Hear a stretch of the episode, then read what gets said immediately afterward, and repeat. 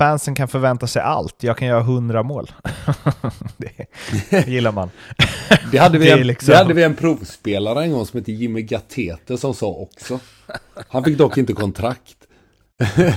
han skulle skjuta Blåvitt till SM-guld och så, men han kunde inte ens skjuta in bollen i ett öppet mål på träning. Men det var en annan historia.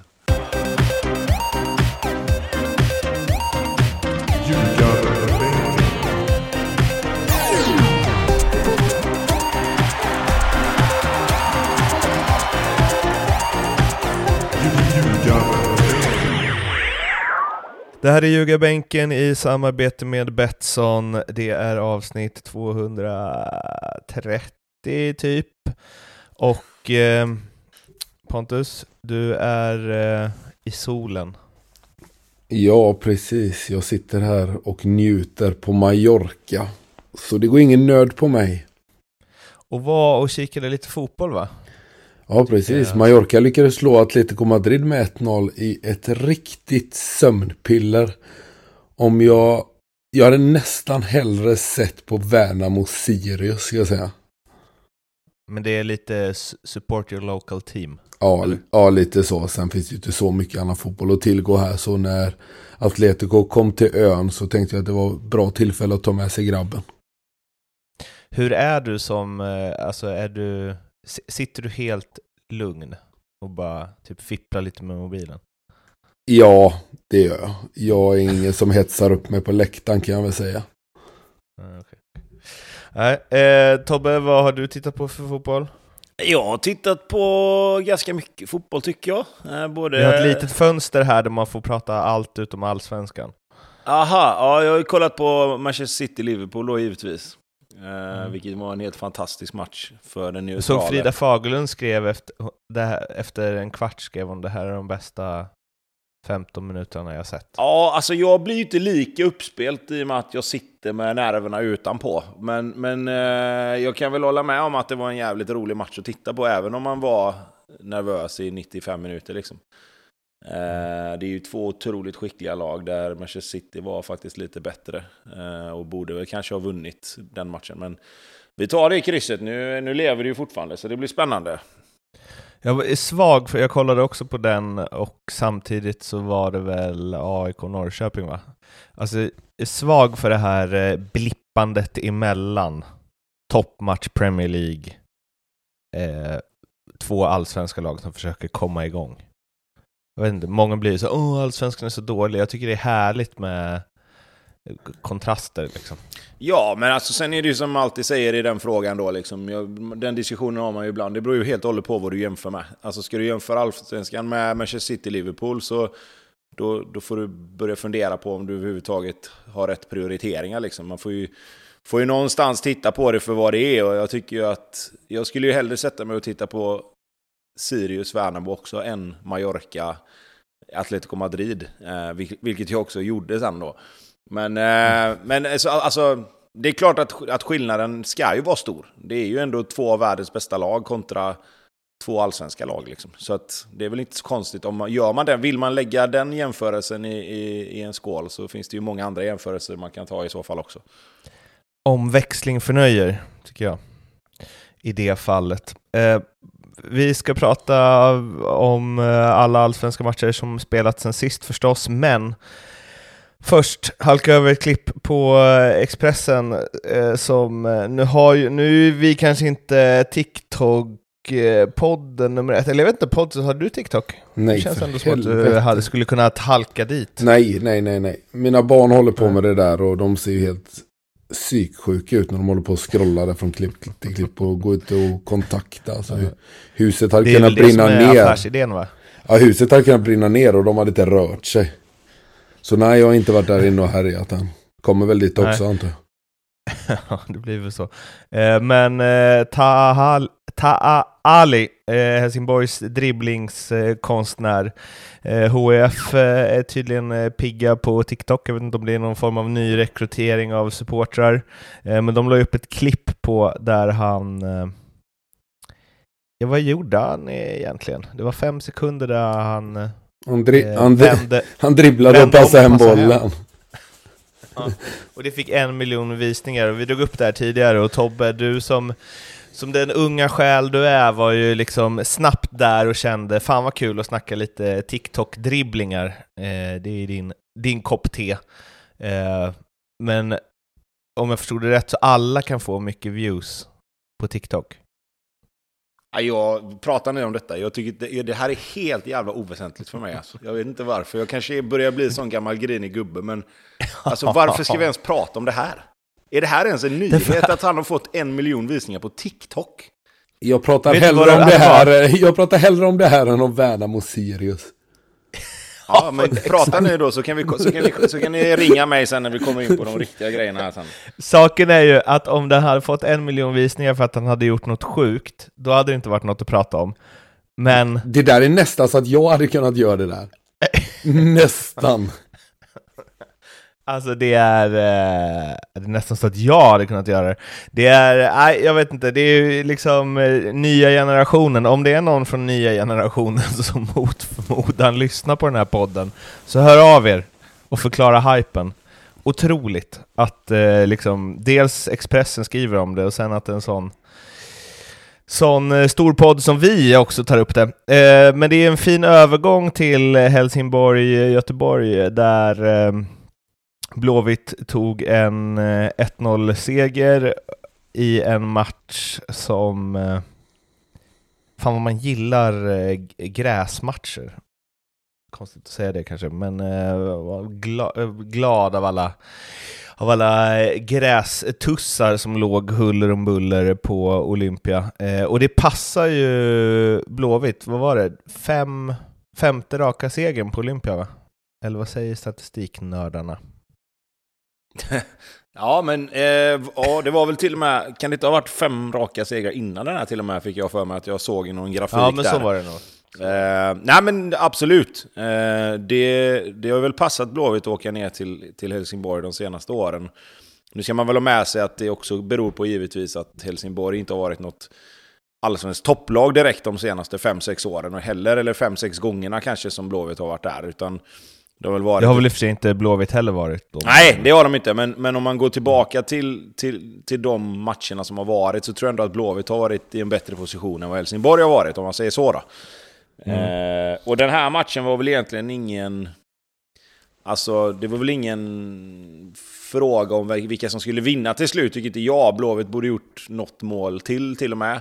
Första halvlek var Helsingborg bra, tycker jag. Eh, jag tycker de gjorde många bra saker, tog sig runt, fick lite inspel. Ehm, de, de vann bollen några gånger runt Blåvitts straffområde där Blåvittspelarna inte riktigt var påkopplade. Och, och, i ett skede där Blåvitt hade liksom fått tag i bollen och sen skulle spela sig ur, då, då var Helsingborg där och vann bollen. Och där hade det kunnat bli farligt med lite mer kvalitet hos Helsingborg. Men eh, nej, jag tycker, jag tycker Blåvitt till slut vinner rättvist. Marcus Berg är skillnaden. Man ser skillnaden när han får ett, ett ordentligt läge kontra när många andra spelare i serien får det.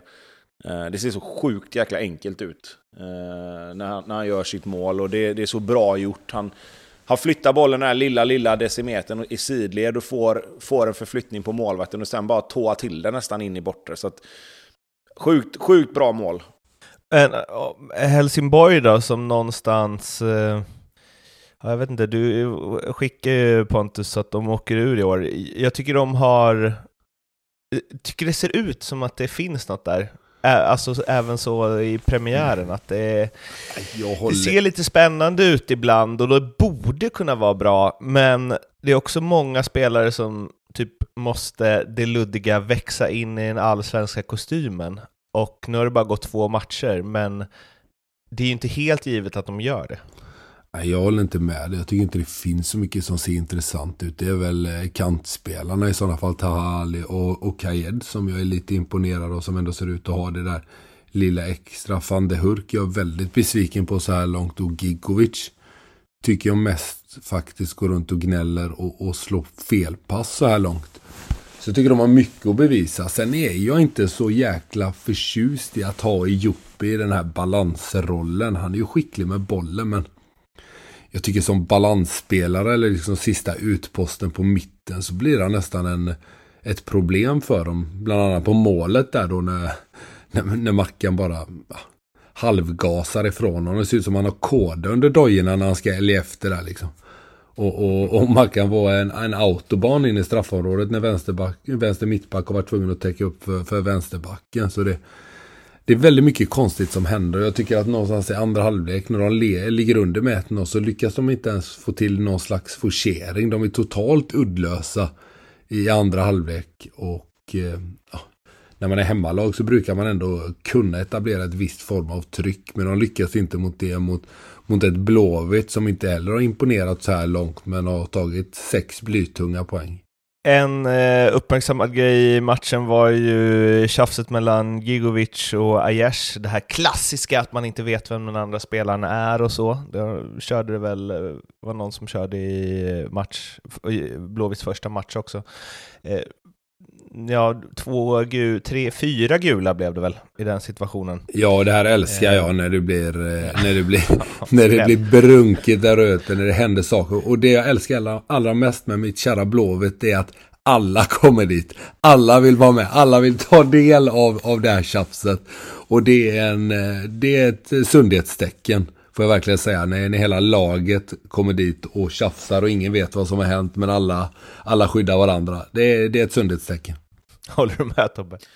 Ja, alltså, det, jag, jag vet Tobbe ju... Kom all, jag, Tobbe kom aldrig nej, jag, jag kan säga så här att... Nej, men jag, jag kan säga så här, jag, jag, tyck, jag håller med Pontus att det är ett sundhetstecken. För när vi var som bäst i Blåvitt, när han även själv var med där, då var det ju precis så. Sen var jag ju alltid den som stod och hade... Jag hade liksom en armlängds avstånd till allt det där och försökte dra bort Henrik Rydström. Uh, och, och, prata med honom då, för han var alltid själv inne i den där högen av människor med Pontus, Gurra, Alex, Sella, Bjärsa. Alltså det var så jävla många i vårt lag som var där och, och, och, och diskuterade med domare och spelare och det var alltid bara Henrik Rydström från Kalmar som kom dit. Alltså, jag gjorde en, en intervju med honom eh, under den här tiden och då sa han det, han bara ja, men jag är bra på liksom men jag är bra på att tjafsa liksom och gillar att tugga igång. Han bara, men fan Blåvitt, de har ju sex, sju, åtta stycken som jag ja. som ska in Nej, men det var, och, det, och, jag, och, jag, och, jag, säger det, man ska inte underskatta det där. Alltså, för det där handlar också någonstans om, jag vet inte, vet inte om det är här vi har pratat om det, eller om det bara har varit att vi har pratat om det jag och Pontus innan, att man måste påverka matchen på de sätten man kan. Eh, jag tycker ju här att i första, om, om vi ska gå tillbaka till själva situationen, liksom, så är det ju det är ju en vårdslös tackling. Han har ju armen jävligt högt och, och sätter den i ansiktet på, på Aiesh. Så jag förstår att Aiesh blir förbannad. Sen har det varit mycket reaktioner på det här, att han, att han är skadad och sen direkt när Gigovic kommer fram så, så glömmer han av det. Liksom. Men, men jag tror också så att när det gäller just Hossam Aiesh så, så, får han ofantligt mycket mer stryk än vad många andra spelare i Blåvitt får. Han får extremt lite frisparkar med sig sett till vad han kanske egentligen ska ha. Och till slut så tror jag även för honom bara att det, det rinner över liksom. Han får en ganska ordentlig smäll. Upplever väl kanske när han ligger där att, att han får en massa skit av den som faktiskt har tacklat honom och, och bara liksom reagerar på det. Eh, sen tycker jag ju att domaren Alltså han kan göra det rätt enkelt för sig här. Han kan ge i så fall Aiesh och, och Gigovic kort. Sen tycker inte jag att han ska in och rota med, med massa andra. Sen, sen vet inte jag exakt vad som har sagts, men, men jag tycker inte man behöver dela ut fyra gula. Ge, ge dem varsitt gult. Eh, Gigovic är väl nästan på gränsen till orange. Eh, men sen tycker jag, varför ska han in och ge, ge gult kort till en massa andra spelare för? Jag fattar men jag inte. tror väl, dem, är inte det deras riktlinje nu då? Är inte det deras riktlinje? Att de ska försöka få bort de här högarna som jag vill värna om? Jo, men då, men då är vi där igen. Då kommer de göra det de första fem sex omgångarna och sen så kommer det falla ifrån, precis som alla riktlinjer som domarna får innan en säsong. Man håller ju det i början och sen blir det ingenting med det. Och då blir det så här att då är det vissa lag som kommer få, om man säger då, drabbas av de här varningarna som sen i slutändan kommer leda till avstängningar och vissa lag kommer klara sig undan för att de inte orkar till slut. Jo, men de här, hetsiga, hö, de här hetsiga högarna kommer finnas kvar. De fanns där innan domarna kom och de kommer finnas där efter. Så jag är inte orolig. Nej, men jag, jag, bara säger att, jag bara säger att jag, jag, då tycker jag hellre liksom, ta de som har startat allting då. Precis som det blir, nu, ska vi inte, nu blir det där jämförelserna med hockey och det är ditt fel Mårten. Men ta mm. de som startar allting och så ge dem det som de ska ha och sen låt alla andra bara, låt det bara få ebba ut resten liksom. Om det inte men sker om man ska någonting... jämföra med hockey, om du kommer in som tredje gubbe åker du direkt. Jo, men, men, men det, det blir ju ändå liksom, alltså om du förstår vad jag menar. Är det två stycken som slåss och de andra kommer dit och bara håller undan och, och liksom pratar med domaren, så blir det, då åker ju inte de ut. Alltså det, det, är ju mer om du går in och ger dig in i själva situationen och börjar gruffa liksom. Men, men här är det Fan, ju mer du... att här är det ju mer Fan att vad folk... du hade varit den som tog tag i motståndarnas snällaste spelare. Jag? Och bara låtsas höll i, eller hur? Ja, men jag, ja, ja, men jag hade varit sån. Jag hade nog sprungit dit och tagit bort Hossam. Alltså, och så låtit de andra få gruffa med dom, snacka med domarna och allting sånt. För att liksom vi, vi skyddar ju varandra och jag tar ju bort den spelaren som jag... Jag vill ju inte att han ska bli utvisad för att han tappar det där liksom. Men jag tycker du har, eh, jag tycker du har fel här faktiskt. Jag, tro, jag trodde det skulle bli fler gula. För det var ju någon, jag kommer inte ihåg vem det var i Helsingborg, som verkligen trycker till Marcus Berg i ansiktet. Och det är ju någon mer som, alltså om det är Gustav Svensson som liksom verkligen går på liksom. Jo men, men, alltså, men då köper jag... Jag trodde att det skulle bli typ tre gula i varje lag. Nej, men jag, alltså... jag, jag, tycker bara liksom att när det blir en sån situation så, så måste också domarna ha med sig att det blir reaktioner på det. För det är en ganska, det är en vårdslös tackling. Alltså, och sen, men, men jag menar mer att nu, nu kanske just i den här situationen överlag är, är kanske rätt om man ska säga så. Då. Men jag tycker mer allmänt det här att de ska upp och börja vifta med kort i tid och otid. Liksom, jag, jag, förstår inte riktigt den grejen, även direktiv eller inte. Liksom. Ja. Sluta ja, prata om det här nu. Vi, vi kommer fram till att vi på ljugarbänken älskar högarna och vi värnar om dem. De måste Absolut. få finnas. Så, gå vidare. Måste bara, för att koppla tillbaks till eh, det här med Rydström och dåtidens Blåvitt så var det ju, jag tror det var Bjärsmyr som sa det till mig att det är Daniel Sjölund, mardröm att möta. För man kunde springa och tjafsa hur mycket som helst och han brydde sig inte en sekund. Sånt gillar man också. Spelare som är helt opåverkade av att folk... Eh, och det är så jävla passande, alltså on-brand, Daniel Sjölund. Är man liksom från Åland, då flyter man runt i sin egen lilla värld där. För det, han är väl från Åland? Eller? han känns han, Ja, han är, han är från Åland. Åland, ja precis. ja, bra. Eh, riktigt, där har vi en snäll kille också för övrigt. Avslutningsvis, eh, också övergång eh, naturlig från myskillen Sjölund till Micke Stare, som ju bara, alltså hade han varit en katt hade han spunnit genom hela Discovery-intervjun efteråt. Han liksom försökte först hålla uppe någon form av eh, jag står alltid här oavsett hur det går, bla bla bla bla bla bla bla. Men så jävla bra han mådde där. Ja, det är en blytung trea de tar igen utan att imponera och eh, den här starten har man ju inte haft på ett sen 2016 eller någonting läste jag. Så det är väl superbra och som sagt det är ju kanske sex poäng som man ska ta om man ska försöka blanda sig i toppen. Så att, eh, nej, de har gjort det riktigt bra hittills eh, och det finns mycket att jobba på och eh, deras bästa spelare är deras bästa spelare så jag tycker det ser riktigt bra ut. Att tränaren är så himla tillfreds efter två uddamålssegrar mot nykomlingar. Ja, men jag, tror, jag tror mycket handlar om eh, Jag tror mycket handlar om förväntningar och, och, pressen också där, att de bara skulle vinna de här två matcherna. Allt annat än sex poäng i de här två matcherna hade ju varit icke godkänt egentligen om man ska vara helt ärlig. För både Helsingborg och Värnamo har vi pratat om ska vara lag som, som huserar i, i botten. Eh, Blåvitt siktar ju mot att gå upp mot topp 5 i alla fall. Eh, även om jag inte tror att de löser det i år så är det ju dit de vill. Och då måste man vinna sådana här matcher. Eh, och nu har de gjort det. Nu har de gett sig själva lite andrum. Eh, det kommer ett x antal matcher här nu där det kommer bli extremt mycket svårare att ta poäng. Eh, och då är det rätt skönt att ha de här sex pinnarna i, i, i ryggsäcken redan. Så jag tror att mycket har med det att göra. Att, att kunna gå in i de här tre matcherna mot Häcken, eh, Djurgården, Malmö är det va? Eh, ja. och, och, veta att man liksom, okej, okay, nu har vi våra sex poäng här sen innan. Hade du kommit in här med tre poäng eller kanske två poäng så klart att då hade du nästan varit tvungen att vinna någon av de här matcherna. Nu kan du gå in lite mer med axlarna neråt och och lite mer framåtlutad och, och veta att alla, alla tre som man tar i de här tre matcherna nu är ju, är ju nästan, blir ju nästan som en bonus. Liksom. Häcken blir ju 50-50 kanske, men, men de andra två är ju, är ju svåra matcher då, på förhand. Eh, härligt med eh, känslor i de där tränarintervjuerna i alla fall.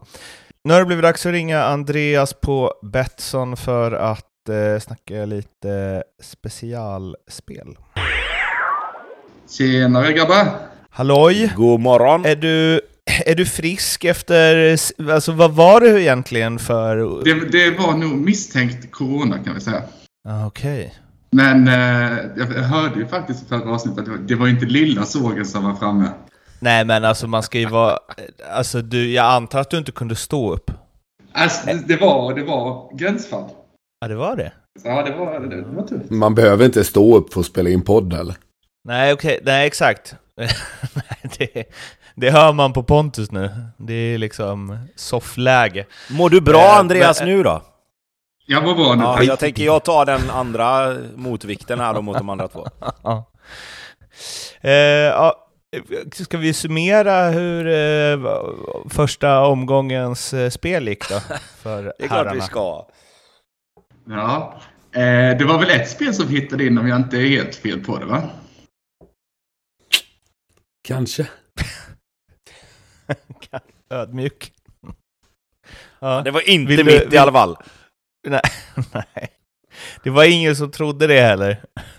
nej, jag vet. Nej, men eh, Kalmar vinner och eh, AIK håller nolla. Det kan väl tacka Ekpolo för, om inte annat. Mm. Miss, Han är ingen striker direkt. Nej, det såg inte helt naturligt ut. Nej. Det kanske de ska slänga upp på TikTok får de lite views. uh, men uh, Tobbe hade det kämpigare. Jag har glömt vad hans spel var. Det blir inte så att man lägger det på minne direkt. Båda lagen gör mål i Helsingborg, Göteborg och Malmö vinner. Mm. Det var två av två också ju. Ja, det var ju nära ju. Nej, det är, som det, det är ju som det har sett ut i två år här nu, så att jag vet inte riktigt. Det är, det är, väl bara, det är väl bara att köra vidare som sagt. Vad är det man säger? Upp på hästen. Ja, verkligen. Vi har sett det förr. För. Vi kommer se det igen. Ja, vad, eh, det, vad har ni för spel den här veckan då? Jag kan börja då. Jag har att, eh, ja, det är ju bara att rygga mig så blir man ju svinrik. Det har vi ju sett här nu. Så jag har att eh, Diff håller nollan. Ser jag som tämligen eh, Det finns säker. två Diff här nu så att eh, specificera gärna. Ja, Djurgårdens idrottsförbund eller vad fan, idrottsförening, vad fan heter de? vad fan? Ja, nu har jag specificerat. Vet du vilka jag menar nu eller? Är det hemma mot Peking eller? Ja. Ja. Ekpolo kommer ha ett och annat att säga till om. Nej, de, eh, nej de är helt iskalla, helt under isen. Uh, och så vinner faktiskt Sundsvall, hör och häpna. Uh, de har ingen andra målvakt att tillgå här nu så de får ju kasta in första keeper Andersson här igen. Uh, så jag tror de löser det. de vänder där på något konstigt vis och, och vinner den matchen. Kan det vara poddens första tips på ett Sundsvall borta? Vinna. Det, det är ju världsrekord. Okej. Okay. Sundsvall ska slå Varberg borta och eh, Djurgården håller nollan hemma mot Peking. Ja. Ja. Ja, jag ska inte skratta för mycket. Det satt i första, första veckan. Ja, det är klart du inte ska. Jag är svinbra på det här uppenbarligen. Eh, där hittar vi 12 gånger pengarna på den. Ja, ja. Det är bara att sätta in lönen ju. Då får man alltså det. Då har man sin, den lönen man har gånger 12. Det är bara att räkna på det alla där ute. Då ska jag ju inträda min roll som oddsättare och för, vad heter, företrädare för ett spelbolag istället för att spela ansvarsfullt och inte spela lönen. Pontus spel. Ja fast jag är ju så pass jävla skicklig på det här så då får man ju 12 gånger pengarna. Man, ja, det är ni som bestämmer det där med era regler och sådär. Ja, Tobbe, Tobbe spelar ansvarsfullt. ska spela på då? Nej, vi kan göra så här då. är det någonting ni ska spela ansvarsfullt på mina vett så, så slipper ni förlora så mycket. Um, nej, jag har att Hammarby vinner mot Mjällby och att eh, Elfsborg med handikapp minus 1,5 slår Värnamo hemma. Mm, det låter ju trevligt. Det gör ju alltid det tycker jag, men det blir ju aldrig så. Det är inte så att du lägger dåliga spel, det är bara att det blir oli alltså att det blir oväntade eh, utgångar när du tippar. Ja men lite så, för att jag, jag tycker ändå att jag har ju försökt gå lite mer åt det safe-hållet, men när jag kör safe så är det ju något jäkla lag som fuckar upp det. Eh, jo men det att, borde inte du göra helt tvärtom mot vad du tänker, rent i livet också kanske, så hade du fått oerhörda framgångar tror jag. Ja, kanske. Kanske ska jag börja tänka på det. Bör vi med grumligt hjärta bli lite oroliga för hemmamatchen mot Mjällby nu kanske? Ja, det ska de verkligen bli. Eller ni bli. Men det slutar väl med att Elfsborg vinner med 1-0 och så blir det som jag har tänkt men ändå inte. Det håller jag inte som omöjligt. Eh, vi hittar fem gånger pengarna på den. Ja, det spelar ju egentligen ingen roll ju. Nej, nu är det ju riktigt deppigt. Nu får du, nu får du gaska upp dig. Ja, jag tror ja. faktiskt att den här, den här känns bra. Kan jag, det är bättre än Pontus, om vi säger så. Ja, men det kommer sluta med att det är... Ja, ja, skitsamma. Vi kör på det. Ja. Man måste tro på det för att det ska ske, Tobbe. Ja, men det finns inget som tyder på att det ska vända ju. Jag har ju försökt ganska korrekt. länge ju. Det är, väl, det är väl exakt det som tyder på att det ska vända? Är det inte så? Ju fler matcher man förlorar, desto närmare kommer man en vinst. Bla, bla, bla, bla. Mm. Eh, jag hade en snabb här. Jag, tänkte, jag har faktiskt slängt upp här på, på morgonkvisten. Eh, vilken tränare som får lämna sitt uppdrag först har vi döpt marknaden till. Om jag säger att Rickard Norling är favorit ja, till 3-5. Jag tänkte säga det. Det hade varit min favorit också. Ja, då tänkte jag säga, vad säger ni då? Men då håller ni med kanske? Ja. Oh ja. Han håller inte till match 10. Är det så? Ja. Och det är ju lätt att säga nu såklart när de har två raka torsk, men jag försöker titta på vilka finns det mer som skulle kunna vara i farozonen, men jag vet fan vilka det skulle vara alltså. Men det är väl mer det, eller? Att det inte Nej, är någon det... annan i farozonen? Nej, det, det är ju... Alltså... Jag har Sundsvalls tränare Henrik Ornstrand. Har vi som... Man vet ju inte ens vem han är. Jag det tror är liksom... Och sen tror jag att Sundsvall är ju ett sånt lag som de kan ju liksom ligga under strecket i sista omgången och klara sig kvar med kval. Så har ju han gjort det han ska liksom. Ja. Eh, ja. Jo, det, det, är väl, det är väl alltså... Jag vet inte fan vem det annars skulle kunna vara egentligen. Liksom. Nej, det är, det är Norling, sen är det Ånstad, sen är det Lennartsson och sen är det ett hopp faktiskt ner till det styrande. Mm. Ja, ja, det är klart, skulle, skulle Helsingborg fortsätta förlora några matcher till här nu i början så är det klart att oavsett om de, de är ju liksom ingen nykomling, de har ju lite andra krav på sig än de andra två känns som. Så ligger ju Lindström där bakom också. Hugger som en orm. Ah, då ryker han med va? ja. ja. Då, är, då får vi se vad som händer. Nej, då ryker jag här vet du. Men tanke på, att, tanke på att Pontus har kommit in här och höjt eh, lyssnarsiffrorna direkt så är det, jag som, det blir jag som ryker vet du. Så att vi får, heja, får heja på Helsingborg här nu. Heja på Helsingborg. Fan vad jag... Ja, det fan vad, jag ska vara emot Helsingborg här nu. Framöver. Andreas, eh, ha det då. Ja, detsamma. Okay. Ha det fint, hej då. Hej. Hej.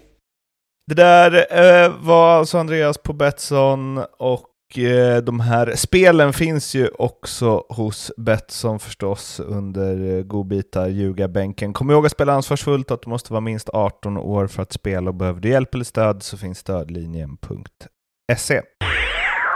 AIK Norrköping, Jordan Larsson mot sitt gamla lag.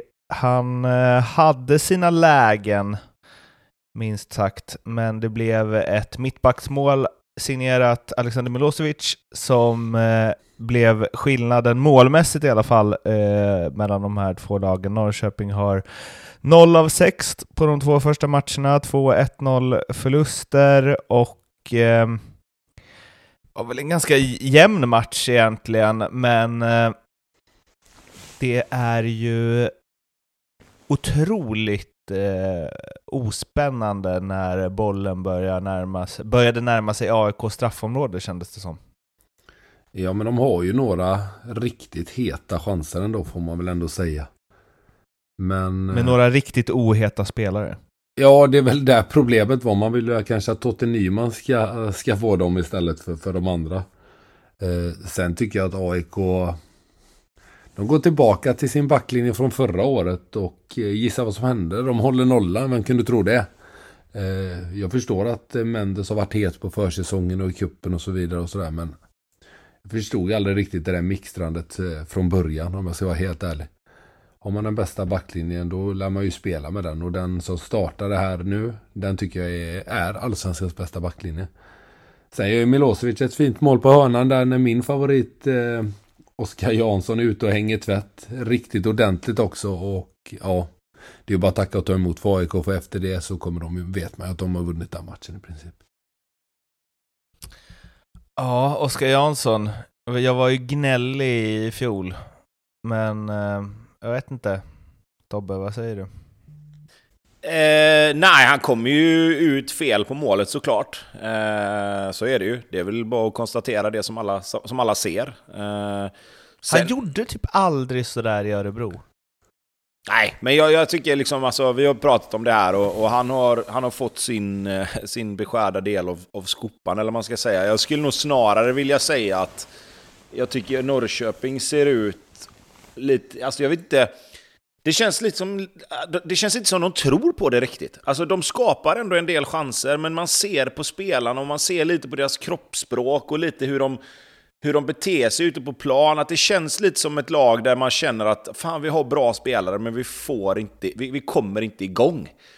Eh, och, och det blir liksom, man ser det så tydligt i vissa situationer där, där det blir någon, någon, något bortslaget inspel eller någon bortslagen passning någonstans. Att he, hela laget ser ut att bara liksom sjunka ihop i, i, i liksom en stor suck bara. att liksom, Fan, låt oss bara få, få lite flyt. Uh, och det där kommer ju ingenting som kommer komma gratis, liksom, utan det där måste man ju förtjäna på något sätt. Och, och, nu, nu är det liksom skarpt läge för Norrköping här, för nu har de två raka torsk.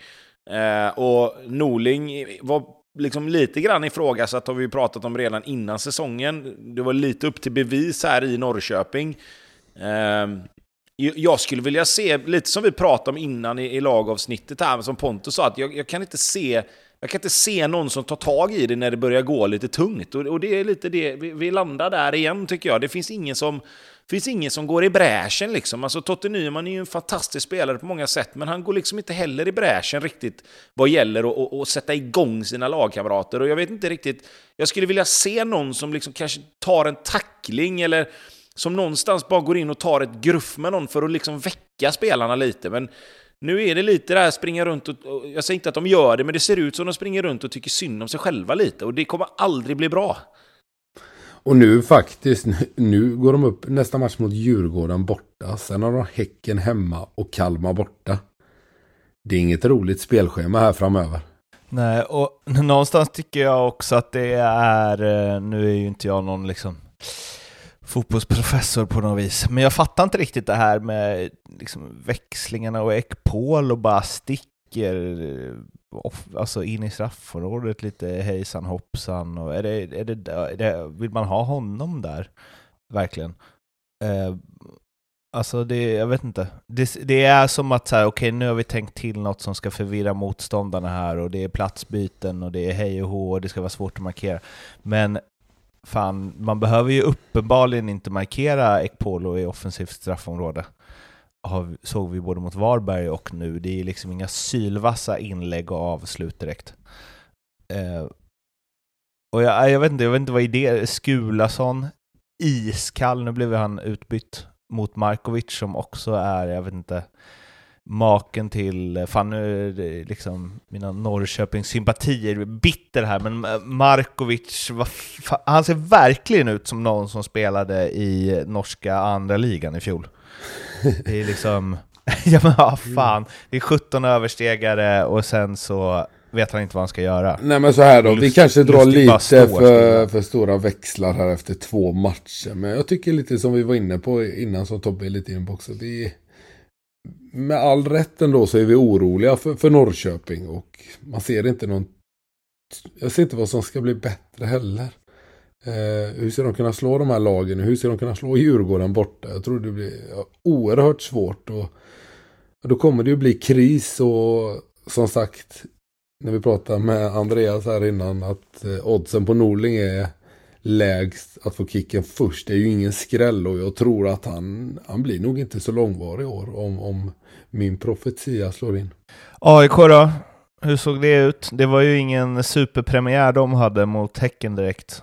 Och nu så ja, det, det... var vi väl tillbaka på 1-0 spåret. Ja, det är ett bra sätt att studsa tillbaka på tycker jag. Att någonstans återgå till, till det man är bra på. Det är att spela defensivt och straffa motståndarna offensivt. Och eh, en riktig AIK-seger på så Det är väl de och, och, och Göteborg framförallt som kan få till de här tunga treorna. Där spelet kanske inte är supervackert men man eh, tar med sig det som är det viktigaste och det är de tre poängen. Eh, poddens eh, anfallsexpert Tobias Hysén, vad säger du om Göran Larsson? Eh, bra, bra match för att vara så pass färsk ändå. Jag menar, han har ju inte hunnit träna något nämnvärt. Eh, och att kunna gå in och göra det så pass bra direkt eh, är ju väldigt eh, upplyftande för, för AIK såklart. Alltså, han kommer ju bara bli bättre och bättre. Eh, och, och börjar han på den här nivån, jag tror det är jätteskönt för honom att få en assist direkt, vara med i protokollet, slippa gå och vänta på den pinnen. Nu ska han såklart göra mål också, det är därför han är där. Eh, men jag tror att eh, det, det, kommer bli en jättebra spelare för AIK. Eh, jag tycker att de hittar en relativt bra balans direkt också med både Bowie, Stefanelli och eh, Jordan Larsson på plan.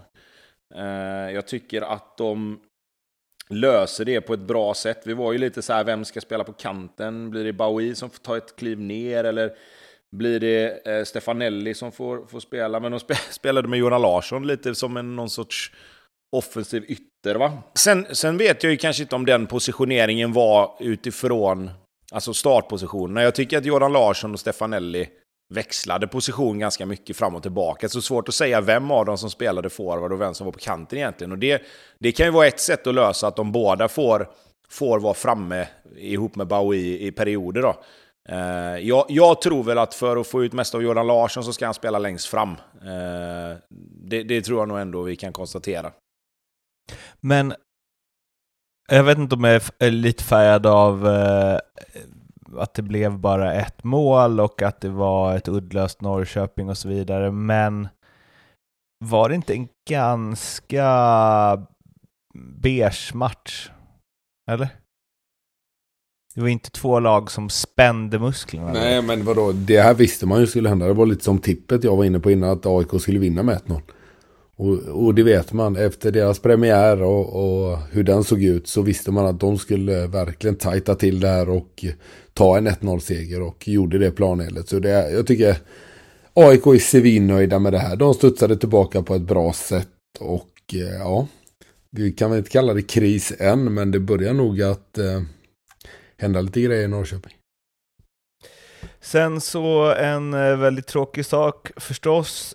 Kristoffer eh, Cassini, Norrköpings mittfältare, eh, har tagit en paus Eh, från fotbollen på grund av sjukdom. Eh, de eh, går inte ut med vad det är. Alla spelarna eh, hade ju tröjor som för att stötta honom Eh, innan matchen och både Jonathan Levi och Rickard Norling eh, gav intervjuer om det utan att gå in närmre på eh, sjukdomen förstås. Men ehm, tyckte mig kunna läsa, utläsa av de intervjuerna att Eh, eller tyckte, det var inte svårt att utläsa det. Det har påverkat truppen väldigt mycket. De sa att det var liksom, de har haft en otroligt tung vecka och de hade helst inte spelat den här matchen och så vidare och så vidare. Vad, ehm, hur, hur påverkar sånt här en grupp? Ja, alltså det är väl olika får man väl ändå säga.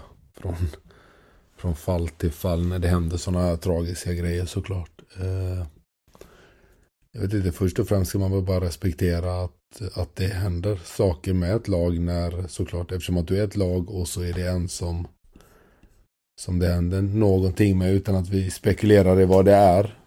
Så det är klart att det kan vara ett hårt eh, hårt mot hela gruppen. Och eh, det säger de här också i intervjuerna efteråt att det har tagit väldigt hårt på dem mentalt och ja, det gör det på vem som helst tror jag. Eh, när man är på vilken arbetsplats som helst om, om det händer någonting med, med någon i, i gruppen. Så det, nej, det är klart att det påverkar och påverkar även resultat i, i slutändan då såklart. Om du inte kan vara 100% fokuserad på ditt spel. Nu inga paralleller eh, mellan eh, Cassini och eh, det här, eh, men för Tobbe, du spelade väl första matchen efter att Ivan Turina gick bort va? Precis. Vi skulle ju spela den. Vi spelade ju på måndagen tror jag, han gick bort på torsdag. Eller ja, något i den stilen, i, i den tidsramen tror jag det var i alla fall. Ja. För det måste, nu var ju du på motståndarsidan där, men det måste ju alltså... Eh, eller när du säger det nu, att det var så fem dagar emellan, det är ju helt sjukt. Nej, det var, det var, ju, det var ju svårt. Alltså, och det har ju ingen betydelse. Det är klart att det var mycket värre för alla i AIK än vad det var för oss, men det, det är klart att vi påverkades av det också. Så det var ju, det var ju någonstans... Alltså, det var ju bland det värsta som kunde hända. Jag menar, det, det är ju fortfarande en kollega, även om det är Blåvitt AIK och det, det, det var motståndare till oss, liksom, och med allt vad den rivaliteten innebär, så är det ju någonting som bara flyger rätt ut genom fönstret när det händer en sån grej. Ehm, och det var, det var extremt tuffa dagar eh, som, som ledde upp till den matchen. Och, och, jag menar, det var som jag sa, vi kan ju vi kan inte ens föreställa oss hur det var för AIK. Eh, men jag, jag, vet att det, det, var ju AIKs beslut att spela matchen. Eh, vi, vi fick ju hela tiden kontinuerligt liksom uppdateringar kring vad, vad som skulle ske. och, och det, vi, vi sa ju bara det att vi gör helt och hållet det som, som AIK känner sig bekväma med. Vill de ställa in så gör vi det, vill de spela så gör vi det. Uh, och det är klart att nu, nu vet vi ju inte som sagt och vi ska inte spekulera i vad som har hänt här, men det låter ju inte bra. Tyvärr. Uh, och, och, det enda man kan göra i det här läget är väl egentligen att bara hålla sina tummar och, och någonstans uh, hoppas att, att situationen eh, löser sig på bästa möjliga sätt. Liksom. Det är det som är så himla märkligt när man läser de där intervjuerna, att det, det, jag vet inte, det känns så självklart att det är klart Norrköping skulle spelat den här matchen.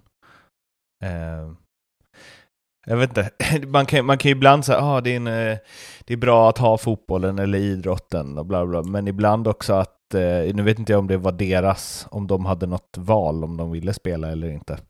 Men det var inte så jättesvårt att, eh, att märka att både spelare och ledare var, var påverkade av det.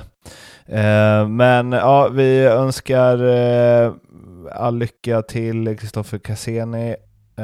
hoppas att han kryar på sig så fort och bra det bara går. MFF Elfsborg 1-1. MFFs hemmapremiär slutade med att de blev utbuade av sin eh, hemmapublik, eller i alla fall delar av hemmapubliken, men det nådde fram genom eh, tv-rutan i alla fall och eh, ja, det var väl en eh, missräkning får man väl säga, även om Elfsborg är ett bra motstånd. Ja, jag tycker Malmö gör ju planenligt 1-0 innan halvlek. Men jag tycker att de Klassmål. Spelade, ja, verkligen. Och det behövde de från Birmancevic som jag tycker har varit riktigt kall här i, i början av året. Eh, och han fortsätter vara kall efteråt. Men det är klart, skriver han in sig i målprotokollet så är det ingen som kommer gnälla. Och det får han nog fortsätta med om man ska spela som han gör för dagen. Men eh, jag tycker att det hackar lite faktiskt när, när Malmö spelar. Jag tycker Christiansen är ju som alltid briljant. Eh, men jag tycker de runt omkring, de, de skapar inte så mycket ändå som jag hade velat. Jag tycker de spelar Elfsborg rätt i, rätt i näven här faktiskt. Och Elfsborg får ju ställa om otroligt många gånger under den här matchen. Sen när de gör 1-1 så tycker jag nästan att Elfsborg är det bättre laget under andra halvlek faktiskt. Det är mycket konstiga grejer också. Jag tycker bytena eh, är lite skumma. Jag tycker att eh, Nanasi borde starta. Det är en spelare som varenda gång jag sett honom är, bryter mönster och alltid är bra. Han ser inte ut så, så mycket för världen. Eh, eh men alltid bra, hittar på grejer, det händer saker runt omkring honom hela tiden. Och jag tycker väl att kanske Malmö har saknat det lite här nu i inledningen. Eh, jag vet inte hur du ser på det Tobbe? Ja, men jag, jag kan väl fortsätta och, och, och på det spåret också. Alltså jag tycker det ser ut som att Malmö... Eh, ja, men de letar lite grann efter hur de ska spela, känns det som. Alltså nu, De har ju gjort helt okej okay resultat. Jag menar, de har ändå gått till kuppfinal och de har fyra poäng här nu på de, på de två första matcherna. Mött Kalmar borta, det är ju starkt att åka och vinna i en premiär. Men det är klart att den här ville de ju vinna på, på hemmaplan. Det är inget snack om det det. Det är ju så, alltså Malmö har ju så många bra spelare att de borde kunna hitta liksom någon sorts form på på liksom mestadels av dem. Sen att inte alla kan vara bra samtidigt, det, det är liksom, så är det ju. Eh, men med så många bra spelare så tror jag mer det handlar om för Malmö att välja rätt i varje match. Och det tycker inte riktigt jag att de har gjort. De är lite, som du säger Pontus, Birmancevic blek igen. Visst, han gör mål och det, det, är klart att det är ju en jävla viktig egenskap att ha när man inte är riktigt i, i, i toppslag, att man ändå gör de här målen. Men, men, lite som du säger, jag tycker man väljer fel. Tycker Nanasi borde ha spelat. Eh, ja, nu, nu, kan inte jag liksom eh, Sören Rex liksom skadeproblematik och sådär om han inte är helt hundra, men det är också en spelare som jag tycker man behöver få in i laget. Eh, nu, nu kom han in i den här matchen och, och, och, gjorde det bra tycker jag. Det hände lite mer framåt när han är på plan. Eh, Toivonen såklart, nu, nu, nu valde de att sätta in honom sent och han har kommit tillbaka efter en jobbig skada. Men med tanke på inhoppet han gjorde senast så så tycker jag att han borde kommit in tidigare. Han har ändå en passningsfot som kan hitta de här lite insticken och inspelen in i straffområdet. En bra skott för att, för att få ut Elfsborgsspelarna lite grann ifrån, ifrån det här blocket som de hade. Eh, så att jag, lite, lite grann eh, kanske att, att man får, får, inte gnälla, men i alla fall sätta frågetecken för, för coach, laguttagning, lite, lite grann. Det, det får jag nog ändå säga. Jag har ju varit kritisk mot MFF i många poddar och eh, har fått en del mothugg eh, kring det också. Eh, men alltså, det är ju det är så jävla märkligt att det ser ut så här tycker jag. Det, jag, jag förstår inte riktigt. Det hade varit en sak om de hade plundrats på spelare, men vad är det? Ahmed Hodzic har försvunnit och sen har Colak bytts ut mot Kiese vilket jag inte, vilket jag skulle på rak arm säga en uppgradering. Nej, jag, så, jag håller med dig och jag tycker väl... De borde ju bara kunna trumma på där. Alltså de borde Kontinuiteten som de har med så bra spelare borde ju bara göra dem bättre och bättre. Alltså de borde börja på, men det känns som att de börjar på nytt typ. Men, men gör man inte det när man byter tränare varje år då? Alltså är det så lätt att bara säga att alla spelarna är samma, så det borde funka? Du, du får in ett helt nytt... Alltså tränar, även om arbetssätten kanske inte skiljer sig åt liksom enormt mycket, så är det fortfarande liksom nya idéer, det är lite kanske annorlunda positionering, lite annorlunda sätt att ta sig fram och liksom Alltså träningsmiljö med, med, med övningar och, och liksom eh, spelsätt och sådär. Jag vet inte, alltså... Det, det, känns som att de börjar ju om varje år. Eftersom de har en ny tränare varje år. Eller jag är helt snett på det här? Pontus, vad, vad, säger du om det liksom? Jo, det är klart att det är, att det är så. Eh, men jag tycker, no, på ett sätt får jag väl ändå säga att jag håller med dig. Det är klart att det ska in ett nytt spelsätt och så med kvaliteten hos spelarna är ju alltid det som är avgörande tycker jag. Om det inte är en helt jävla galen tränare och det tror jag inte att det är i det här fallet och har inte varit innan heller. Så, så jag tycker bara det är lite konstigt. Jag tycker däremot att de har fått ett litet kvalitetstapp när Lewicki inte har varit med på mitten. Penja vet jag inte, vad är det med honom? Varför spelar inte han?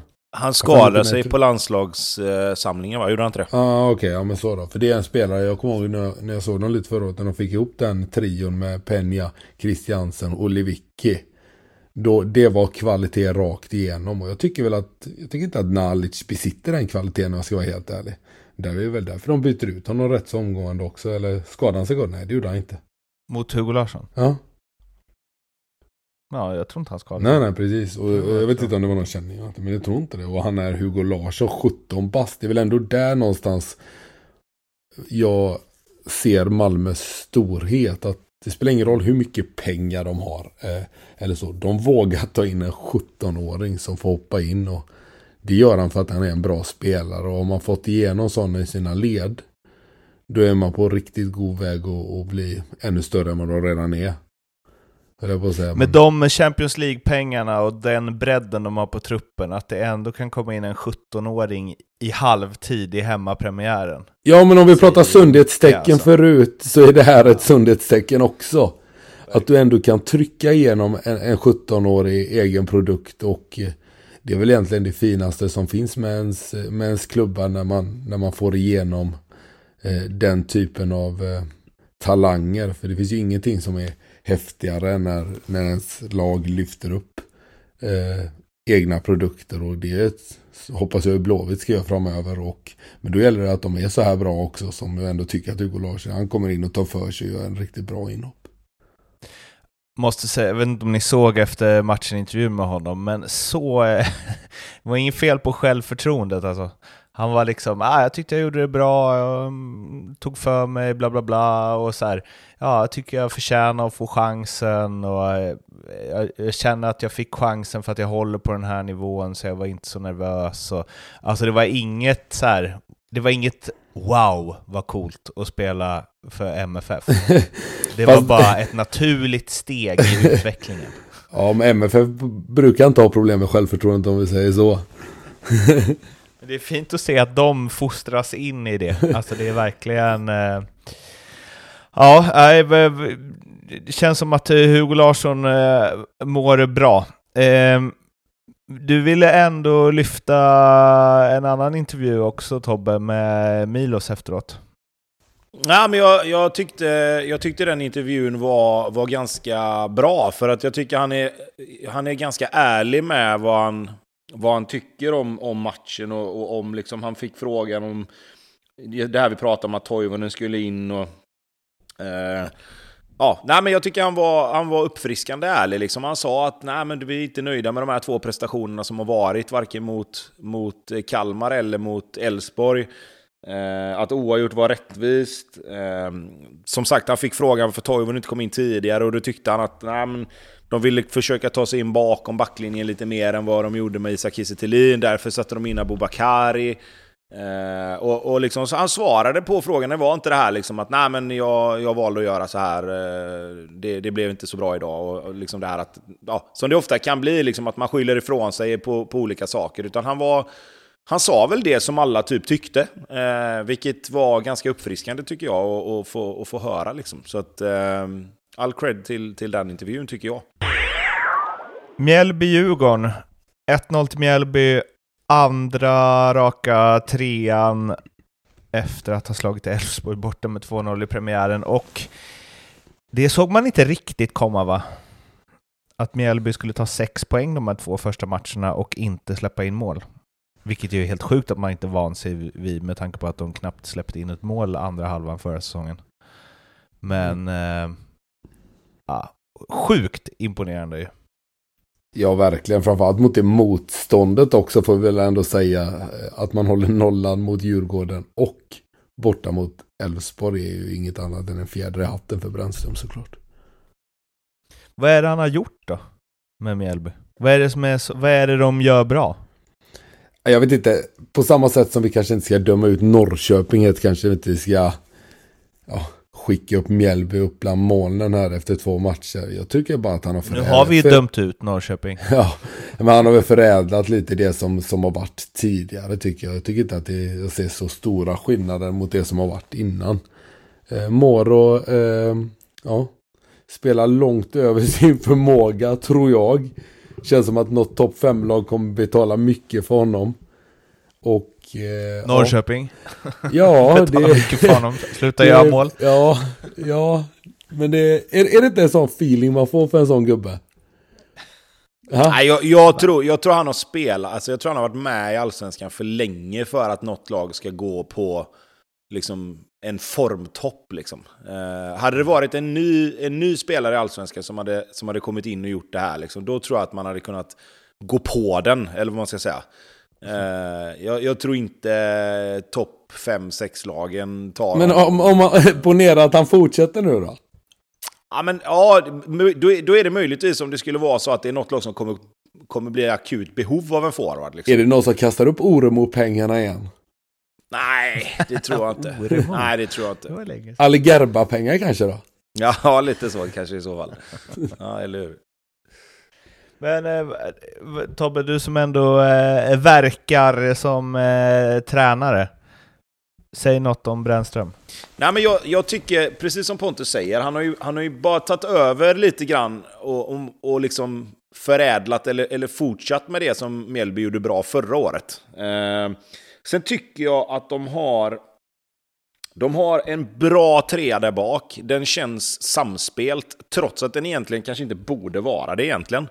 Eh, men den känns väldigt homogen. De har fått in Samuel Brolin på, i den formen som han lite grann kanske var förra året, men som inte fick cred för. Bland annat jag själv sa ju att det vände när han blev petad till förmån för eh, Carl-Johan Eriksson. Men jag skulle säga att de, jag, tycker, jag tycker balansen i laget är det, är det absolut viktigaste. De, de är kompakta, sitter ihop, försvarar som en enhet, som Pontus har varit inne på, det här med mittfältet sitter ihop, hela laget, hela elvan sitter ihop. Eh, och sen så tycker jag att de är, även om inte den här matchen var något tydligt exempel, jag tycker de är alltså, intressanta när de ställer om. För att det finns liksom, Moro är den som ska dra iväg, men jag tycker också att även på kanterna att det finns en tendens att vilja gå framåt när tillfället ges. Och det tror jag är... Det, det, då är vi inne på det här med balansen, det här igen, att man både anfaller och försvarar i, i, i rätt lägen på något sätt. Uh, nu tappar man uh, Viktor Gustafsson här igår, som, som åkte på en rejäl jävla smäll. Uh, Blev borta länge. Ja, det verkar så. Det, det, såg, inte, det såg inte bra ut alls. Ja, det, ja, det lär han ju bli. Det var nyckelben och hjärnskakning, va? Ja, nej precis. Och det, det, är ju liksom ingenting, det tar ju en stund liksom. Uh, nej, och, och, och, ändå, då, då plockar man in Rasmus Widestein Paul uh, och, och, sätter honom med, med mål och flyttar ner Löfqvist lite. Alltså jag tycker det är liksom, de löser situationerna på ett jävla bra sätt. Det känns som att Mjällby har, de har något bra på gång. Sen kommer inte det kanske innebära att de blir femma igen. Men, men de är stabila och har börjat säsongen på ett jävla förtroendegivare sätt. Sen så älskar man ju att de hänger en kasse på ett långt inkast också som dymper ner hos Moro. Det är ju helt fantastiskt.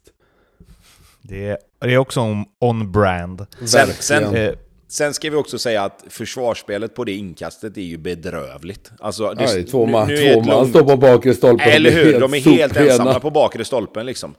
Och är det någonting du försvarar så är det ju liksom, du försvarar ju mot den första skarven och sen försvarar du ju liksom bakre ytan för att du vet ju att till slut kommer bollen hamna där.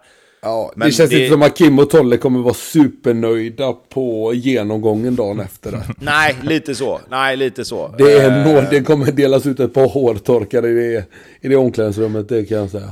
Ja, och inte bara för målet. Jag tycker Djurgården var bleka överlag. Alltså det där maskineriet kom inte riktigt igång. Jag vet att det kommer gnällas på gräsplan, vilket jag spyr på.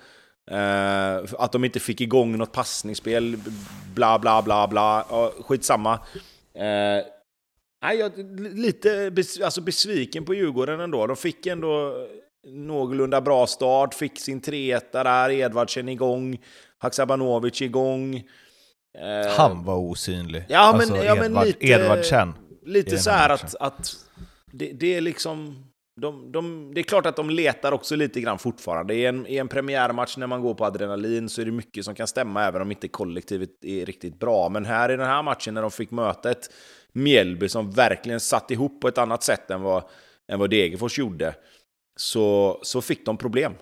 Testa en grej, en tanke jag har om Haksabanovic jag tycker, alltså för att han är inblandad i nästan allt offensivt de har mot, mot Mjällby. Och han gör väl ingen jättematch, men det är ändå han, det är han som slår de avgörande inläggen eller avsluten eller rinner igenom eller startar kombinationer. Alltså man ser att han har mycket klass. Men, och det här är lite också kopplat till hur det såg ut när han spelade i Norrköping, att det blir det blir att där det är så mycket som hänger på honom. Eller han blir en spelare som måste ha mycket boll och som ska driva på offensiven. Vilket gör att andra spelare typ krymper lite. Eh, och det funkar så länge han är sjukt bra, vilket han ju var, vad var det, tio första matchen eller något innan, alltså för Norrköping. Men sen så blir det som att när han inte då presterar, då har liksom de andra krupit undan. Och nu menar jag inte att det är så i Djurgården. Men jag tror att det är en risk med honom. Att han är så jävla bra när han är bra, så att ingen annan behöver typ göra något. Och sen när han går ner sig lite, då är det som att, ja men vad fan, Sead ska väl lösa det här. Jag tycker, tycker han är den tydligaste spelaren så, alltså för att vara i topplag ändå, eller förmodat topplag. Att det, mm, allt handlar om honom. Alltså det för mig, jag förstår ditt resonemang, men jag tror det har att göra med enbart för att han är seriens bästa spelare. Uh, by far skulle jag säga också. Det är en riktig klassspelare och uh, lite svennigt ditt resonemang där att, att laget ska bli sämre för att han är så jävla bra. Jag ser det snarare som att nu var han inte bra i den här matchen men det, det händer ju grejer kring honom i alla fall. Men han kommer vinna betydligt fler matcher åt, åt Djurgården än vad han torskar åt dem. Och han kommer vinna fler matcher och göra de andra bättre framförallt tror jag. Han kommer dra på sig sjukt mycket bevakning för han är den första man vill åt när man möter Djurgården kan jag säga. Men det finns, finns det inget i... Alltså det här är ju en liknelse som är liksom... Ja, men jag kör den ändå. Eh, när Zidane spelade i Juventus så hade de massa bra spelare, men varenda jävla boll skulle gå genom Zidane. Vilket ibland gör att saker och ting så här, att man bara letar efter sin bästa spelare istället för att spela den bästa bollen. Och det, det tyckte jag i alla fall fallet var ibland med Haksabanovic i Norrköping. Och jag eh, kan se att det kan bli så i Djurgården med. Jag ser, inte att, det, jag ser inte att det är en nackdel att din bästa spelare har bollen hela tiden. Jo, när, jo, om han inte är bäst är det ju det. Väl? Och framförallt så som Djurgården har spelat. Nej men jag, jag, liksom, tror, om... jag tror så här, jag håller med Pontus här, det är klart att han ska ha bollen mycket. Även de matcherna han inte är liksom på topp så är det klart att det krävs ju så lite av honom för att göra ett mål eller göra en assist eller öppna upp. Eh, och det är klart att då måste han ha bollen mycket. Det som jag tycker var problemet nu, det är att de andra... Alltså så här, Djurgården har varit så jäkla bra på att kliva fram i olika perioder. Alltså är det någon som har en lite sämre match så är det alltid någon annan som är bra. Och det tycker inte jag det var riktigt i den här matchen mot Mjällby. Innan har det varit så här liksom att år, åren som har varit med Djurgården när de har varit ett topplag, då är det alltid... Mange Eriksson är, har ju liksom av regel varit bra, men är det, är det då liksom så här, ja men Kalle Holmberg var inte så bra idag, nej men då är Radetinac bra, ja men idag var inte Radetinac bra, nej men då var, vad heter det, eh, Chilufya bra, eller så är det någon annan som, som gör en bra match och, och liksom... De har ju varit en maskin. Ja men precis, där, och jag tror att alltså... det, det tror jag mer snarare är så att där kanske de har spelare nu där om Haksabanovic inte är bra eller inte har en match där han är på topp, då måste någon annan kliva fram och ta det ansvaret. Och det tycker inte jag det var någon som gjorde i den här matchen.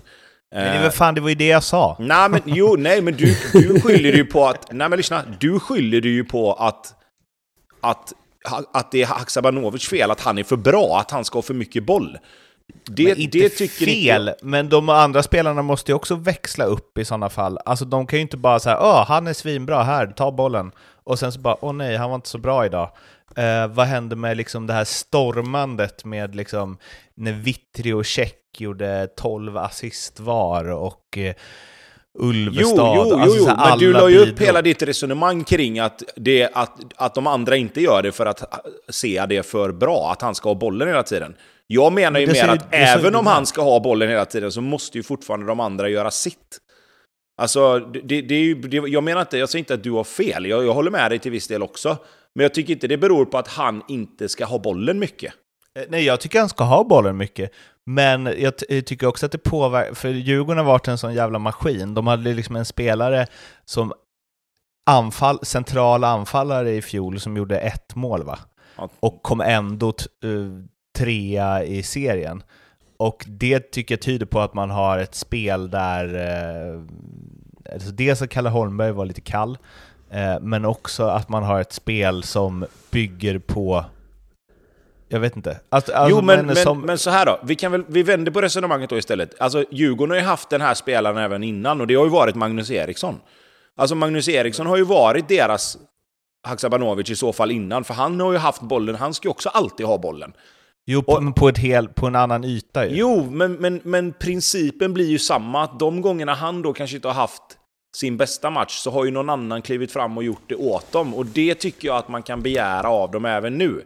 Nu, är det ju, nu får du in en spelare som ska, som ska pusha den här offensiven. Jag, jag tror egentligen att vi pratar om samma sak här, men jag uppfattar det som att du vill lägga liksom problemet på att Haksabanovic ska ha bollen för mycket. Och det tycker jag har varit liksom issue med Magnus Eriksson, och där har det gått bra. Vilket Problemet gör att... är att de andra spelarna inte steppar upp. Ja, men att man lägger över lite på honom. Ja, men har man inte gjort det på Magnus Eriksson innan då, tycker du? Mm, jo, fast mycket, alltså i sådana fall mycket längre bak i planen. Liksom. Alltså de har ju varit, de har ju spelat så här snabba omställningar och Eh, alltså det, jag tycker Djurgården har varit så tydliga och att det gör inget om någon spelare har försvunnit hit eller dit, för det är bara in i systemet och kör på. Medans när Haksabanovic är så bra så att han blir ju lite systemet också. Eller det är ju en spelare som är värd att gå ifrån för att han kanske ska ha... Hade det varit en liten sämre spelare där hade ju Djurgården spelat lite annorlunda. Alltså jag, jag tycker så här då hellre, att då är ju problemet snarare att man, att man anpassar sig efter honom i så fall. Jag tycker att man ska spela ungefär som man gjort innan och låta Sead vara liksom spetsspelaren ute på den positionen som tar exakt samma ansvar som de som spelat där innan, men bara gör det lite bättre. För är det som du mm. säger att de anpassar och twitchar systemet efter Sead som bara ska vara där ett x antal matcher till en början, det kan ju visa sig att han är kvar hela säsongen, då får de ju ett jätteproblem sen när han försvinner. För då har du byggt ett, ett helt spelsätt, eller, eller ändrat ett helt spelsätt utifrån en spelare som är där på kort tid. Eh, då är det snarare det som är problemet i så fall, och det tycker jag är ett större problem än att man ska ge honom bollen mycket. Men kan det inte vara så här då, nu, att han, man kanske inte anpassar spelet efter honom, men att han, han är en sån spelare som gör att spelet blir lite anpassat efter honom. Men han är ju magnetisk, alltså bollen, du vill ju söka ja. den typen av spelare på offensiv tredjedel, för han är ju den som är bäst. Så det är klart att han kommer få bollen. Punkt! Ja. Sundsvall-Hammarby. Fan. Sundsvall behöver en keeper va? Eller? Nej. 5-1 till Bayern eh, efter en... Eh, alltså vi, vi, ska absolut prata om Hammarbys eh, flödande offensiv. Men eh, Loret Sadikus eh, aktion på eh, innan Ylätupa gjorde 1-1 målet. Aha. Det var... Vad var det? Var det tre fel på två ingripanden? Ja, Helt det, otroligt. Det var inte en Xavi-vändning där i... det kan vi komma överens om. Det var heller inget liksom Busquets-hemjobb, eller liksom när han ja, skulle nej, försöka det blev, ta tillbaka bollen. Nej, han försökte väl reda ut det där sen och då blev det ju bara ett ännu större fiasko såklart. Det brukar ju bli så eh, när man försöker reda ut sina misstag, att det brukar oftast bli ett ännu större misstag då. Det här blev ju bara fel. Eh, som tur var så var det ju en match där de vinner med 5-1, så han kan väl pusta ut ändå. Och eh, som sagt 5-1 eh, och det blir ju lätt att gå till Hammarbys fantastiska offensiv och eh, Besara och Viljot Svedberg och så vidare. Och vi ska göra det. Men är det också inte ett superettan Sundsvall som står på andra sidan? Jo, I, I den här matchen, absolut. alltså försvarsspelet. Vi, vi kan ju koppla ihop det då med Viljot Svedberg underbara första mål. När han bara, alltså, handledsskottar, fast med foten då. Snärtar upp den i krysset. Fel fot också va? Han är väl högerfotad. Eh, men eh, Alltså, ibland när typ eh, Simon Bank skriver krönikor så kan, jag, kan han dra upp grejer som jag säger, oh, det såg inte jag. För att jag inte har det taktiska fotbollsögat som han kanske har. Men vad är det för jävla yta Viljot Svedberg får där? Nej, och det är det, det sjukaste är, jag sett. Det är det som är det stora problemet i Sundsvall, tycker jag. För att ska du spela 3-5-2 så som de gör, då får du ha ett block med sex spelare som ligger centralt och de får du ju liksom inte rucka på. Det som det kan bli då, det blir ju att det kan bli 5-3-2 ibland. Och i vissa lägen givetvis så kan det bli nästan som en 5-4-1 om du behöver droppa med en av forwards för att plocka upp ja, någon sorts balansspelare i motståndarlaget. Men de sex Men vad fan, spelarna... där var det ju 3-0-7. Nej, nej, nej. Och, och, det är det här jag menar. Alltså... Och det är det här som blir superettan-nivå för mig. För att det känns inte som att Ham, äh, vad heter det, Hammarby behövde vara bra. Alltså, nu var de bra, men de hade inte behövt vara bra för att vinna den här matchen. För Sundsvall gav dem så mycket ytor. Och de här stackars tre innermittfältarna sprang och jagade ute på kanterna. De var uppe och försökte pressa balansspelare. Och Hammarby är alldeles för skickliga. Liksom, de behöver ju ligga i sitt sexblock där med tre mittbackar och tre innermittfältare. Sen får wingarna och forwards får ju vara de som, som springer och löper och, och jagar ur position. Men det får inte bli så som det blev i den här matchen, att mittbackarna var ute på kanten och jagade spelare. Innermittfältarna var uppe och ute på kanten och jagade spelare. Det tror fasiken att he helt plötsligt så blir det ju, det blir ju hav inne i mitten då.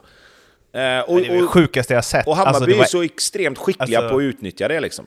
Ja fast jag tycker att Hammarby ska ha lite cred där också. Fast när jag ser dem spela fotboll så är det de som imponerar på mig mest så här långt. Nu har det som sagt bara gått två ja. matcher och vi ska inte dra de här jävla växlarna. Allt för stort. Men jag tycker att de är sjukt duktiga på det här. För de står och, och, och tiki-taka lite på mig. Och sen kommer du vet, vänder de på spelet, någon drar en kross stenhård ut på kanten. Och så går de direkt. Så här. De, de gör allting helt rätt för dagen. Eh, de håller på och vänder på spel. De, till och med från mittbackarna står de liksom och drar långbollar ibland upp på forward som får fast den. Och så kommer de efter. Jag tycker deras variation är helt, helt extrem så här långt. Och jag ser, för mig är det, nu har de spelat på konstgräs i två matcher så det ser ju lite bättre ut än vad det är. Och, och dessutom mött Degerfors och Sundsvall. Absolut, absolut. Också. Men det, ska, det, det, är inte så att de bara, att de bara ställer av dem, utan fan de slaktar dem nästan alltså. Så det, nej, jag tycker det är... Eller förlåt, de ska, de ska också ha cred och jag tycker att den här Williot Svedberg, det målet han gör ändå, alltså nu får man säga vad man vill, det är bedrövligt försvarsspel.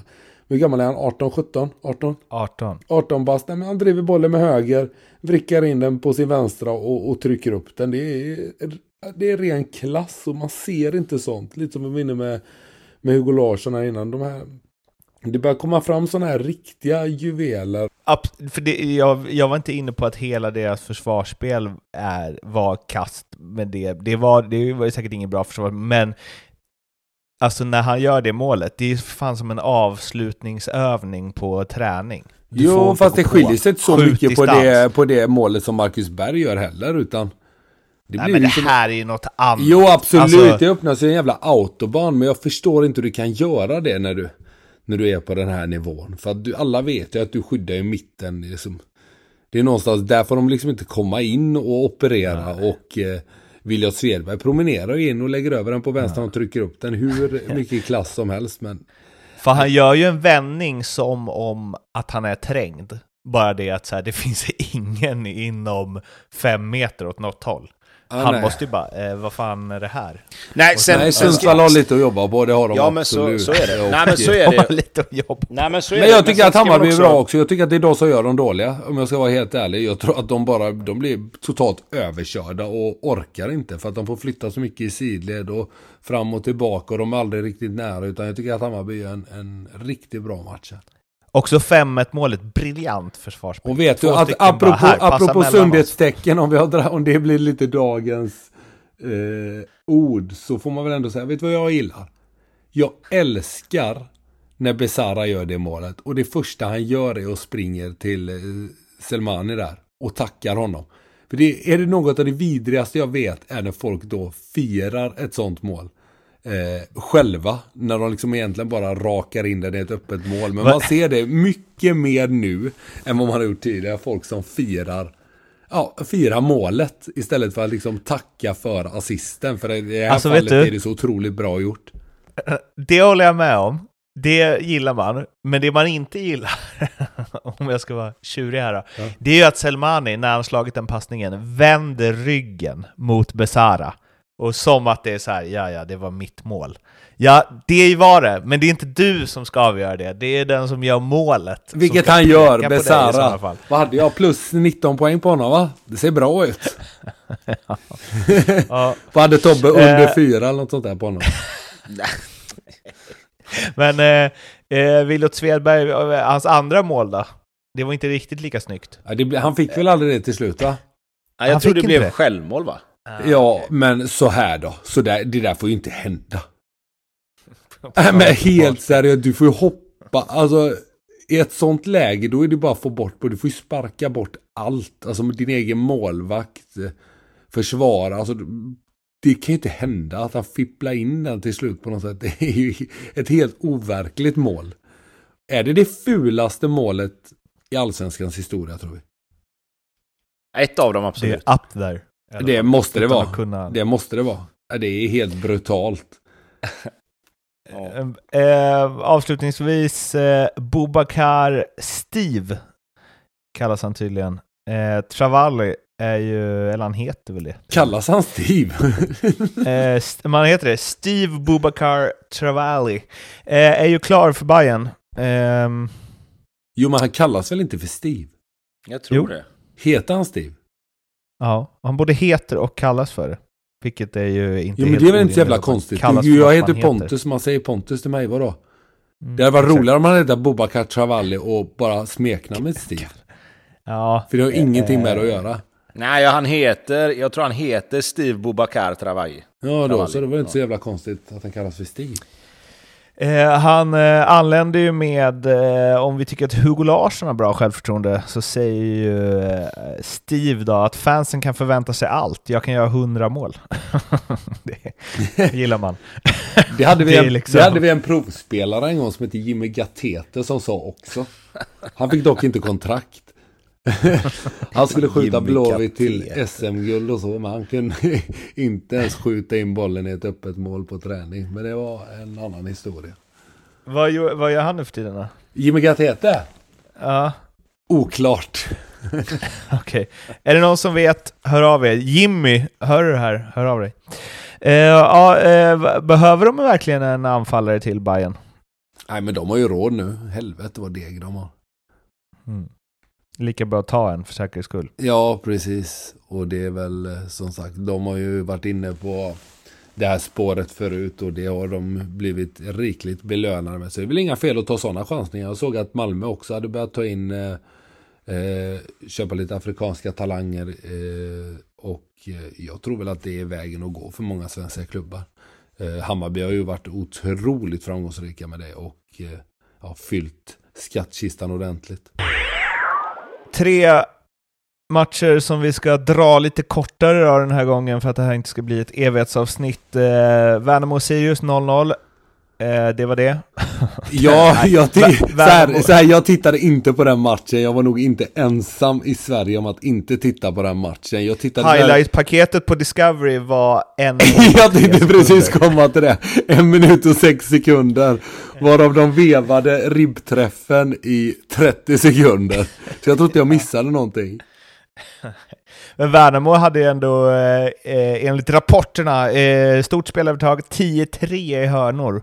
Och Antonsson hade ju inte bara den här jävla konstig ribbskott, han sköt liksom i undersidan av ribban utanför.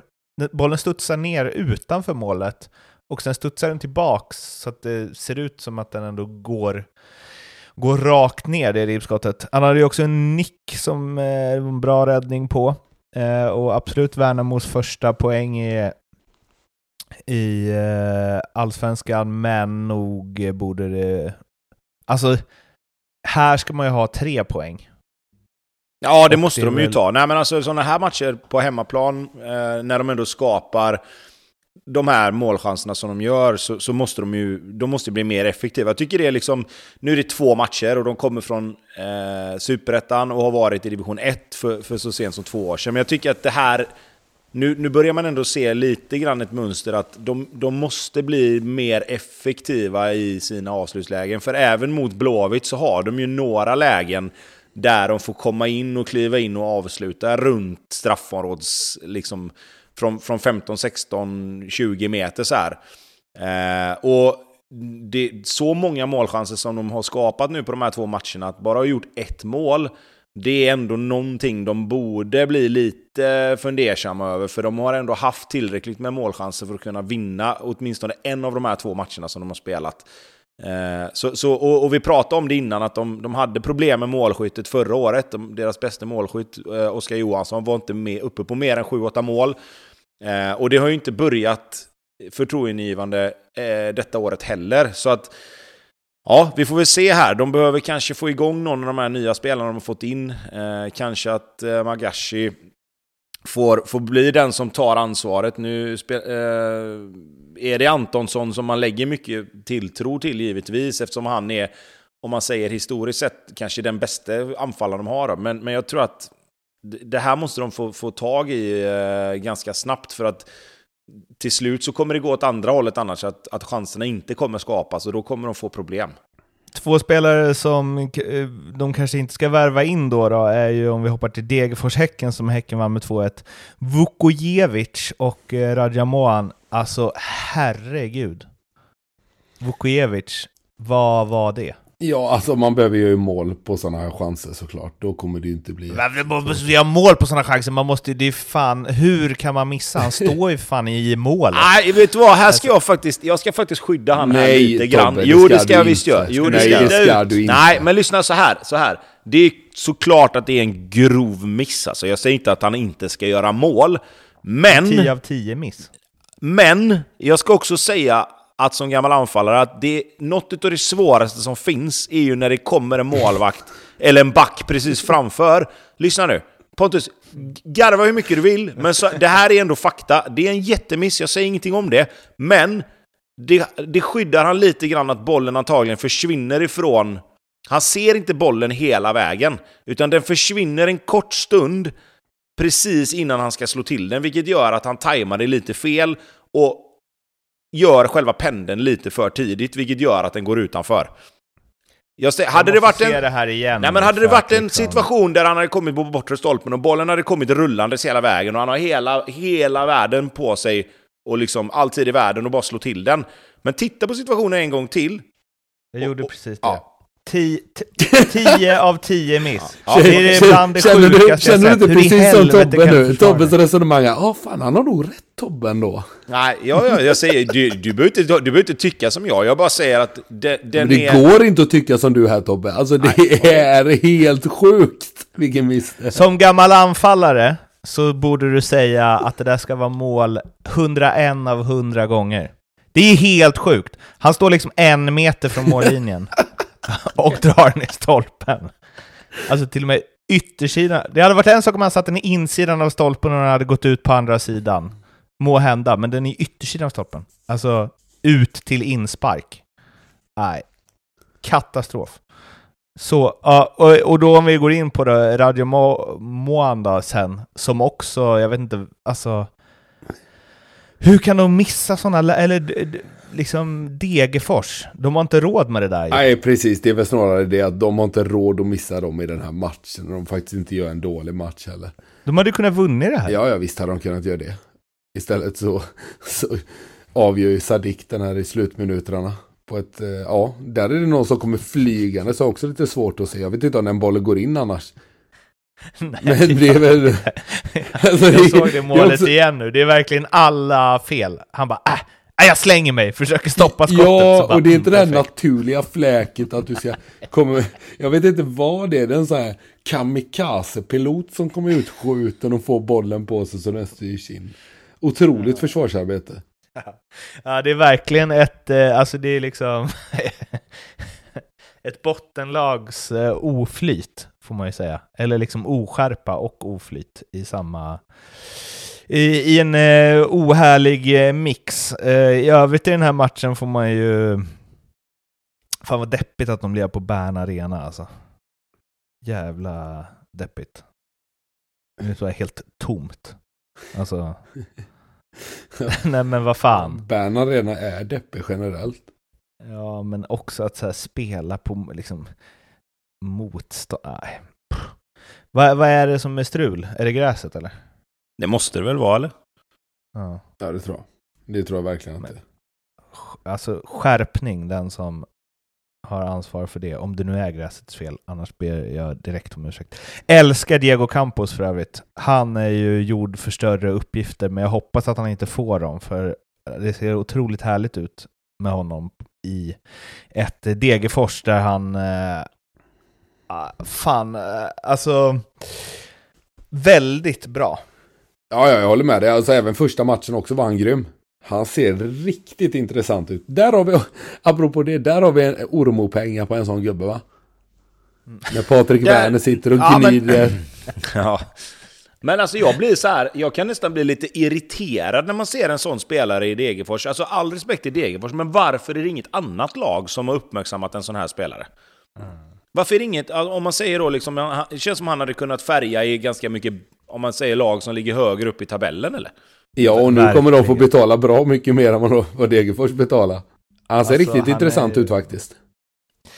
Och när han gör målet, om man bara drar liksom upp kontrasten på bilden lite och eh, zoomar in, nej precis, om man inte ser läktaren, det är ju liksom goal på hela honom. Alltså... Ja, det är det verkligen. Och du, vet du vilken höjd han skjuter i? Det vi får ändå... Ja, han skjuter i... Eh, I hockey är det svårt att ta de där skotten. Ja, exakt. Över knät, och, en annan sport också. Det är den höjden jag tänker på. I handboll, vad heter den höjden? Ah. Som vi har Semaforhöjden. Jajamän!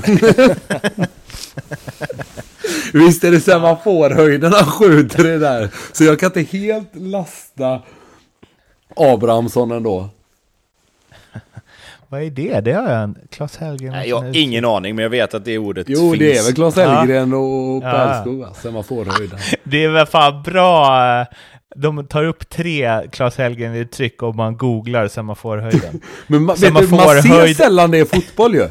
Skott i semaforhöjden. det här måste vi också få in på något sätt. Älgräddning. det gillar man. Och källarskott. det är... Källarskott, Nej, källarskott vet du vad det är väl? Källarskott är när du skjuter mellan benen på målvakten och den studsar över ribban på andra sidan.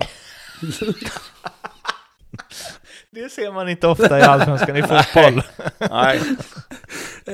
Eh, älgräddning, vad är det då? Är det ja, när det man har kron, händerna ute ovanför öronen eller? eller ovanför, ovanför Ja, skitsamma. Herregud vad det spårar här nu. Åh jävlar, ja. jag fick den bilden eh. framför mig nu. När... ja, världsklass. Oh.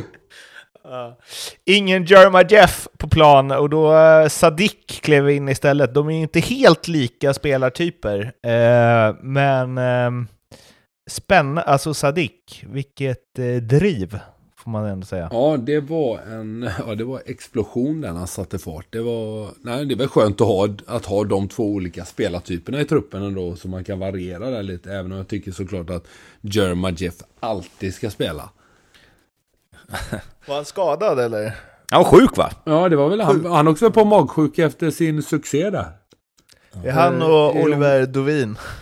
Ja. Eh, men eh, ja, eh, ändå styrkebesked ju från Häcken att även om det kanske inte var jag vet inte om det var 100% rättvis seger, men att man ändå tar en tuff bortamatch så, utan sin hattrick-skytt i premiären och eh, grejer. Grejer tre poäng så. Eh, Varberg-Kalmar. För eh, de som undrar om Kalmar fortfarande kan så är svaret ja. Och eh, vilken jävla keeper de värvat in alltså. Ja, han, är, han har bra swagger Ricardo faktiskt. Och eh, det är ju matchavgörande såklart när han räddar eh, straffen vid 1-0 och så sen 10 minuter senare så gör de 2-0 och då är det ridå. Man gör ju någon räddning där, det var inte bara han i och för sig. Men eh, hela laget räddar ju på mållinjen. Ja, liksom. den som är inne ett par gånger om höll jag på att säga. Mm. Eh, och sen så, eh, min eh, favorit Simon Skrabb och eh, Oliver Berg, funnit varandra. Eh, två fina mål, framförallt Skrabbs. Och fan, jag tror att Ja, Netabay fick göra mål med. Jag tror att Kalmar kan... Eh, mm, jag tror att de kan pumpa igång även om de inte har någon eh, anfallare. Nej, Kalmar är på riktigt. Kalmar är riktigt ja. bra. De kommer... Eh, det är inte ge... helt lätt att åka till Varberg och bara... Nej, nej. 3-0. Sen är det ju såklart som jag sa innan, det är matchavgörande när han räddar straffen där och de gör 2-0 rätt så snabbt. Psykologiskt så hämtar man inte tillbaka det i, i Varbergs fall. Vad säger du om Kalmar Tobbe? Nej, men jag håller med. Jag tycker vi har ju varit, vi har varit på dem, eller jag har väl varit på dem lite, att de är... Att det ser bättre ut än vad det, än vad det ofta blir för, för slutprodukt. Men i den här matchen var det ju, var det ju verkligen så. Här fick de ju verkligen träff på, på anfallsspelet och gör tre, tre bra mål. Liksom. Eh, tycker att de går lite mer mot mål än vad de kanske har gjort innan. Det är, det är fortfarande det här fina och, och trevliga spelet, men, men de, de mixar det lite mer med att vara lite mer direkta och gå lite mer mot mål istället för runt målet. Eh, som de kanske gör i, i vanliga fall. Så jag tycker eh, en, en, en bra jäkla match. Åka ner och, och städa av Varberg så som de gjorde ändå. Eh, det tyder ändå på, på att de har något bra på gång och att de kanske är lite längre fram än vad, än vad eh, Billy Lansdown kanske tänkte att de skulle vara. alltså jag såg, eh, vilken jävla räddning det är på straffen alltså. Såg den igen nu. Långt ja, det är jättebra, jättebra räddning. Men en mm. dålig straff. Just det. Ja, det. Vi ska inte inviga Pontus i det nu, nej, vi måste nej. gå vidare. Ja. nej, men jag eh, tänker så, så att Tobbe kan säga att det är en dålig straff med skydda någon som missar målet från en meter. nej, men alla straffar som inte går i mål är dåliga. alla missar ja, från en meter är dåliga Vukojevic däremot. Ja, absolut. Kick. Eh, ja, eh, det var alldeles för eh, den här veckan. In och följ oss Instagram, Twitter, prenumerera gärna på podden så blir vi superglada och sen så hörs vi igen. det är ju 300 matcher på söndag, så ni hör oss väl måndag morgon igen, skulle jag tippa. Håll ut tills dess och ha det fint. Hej då! Hej hej!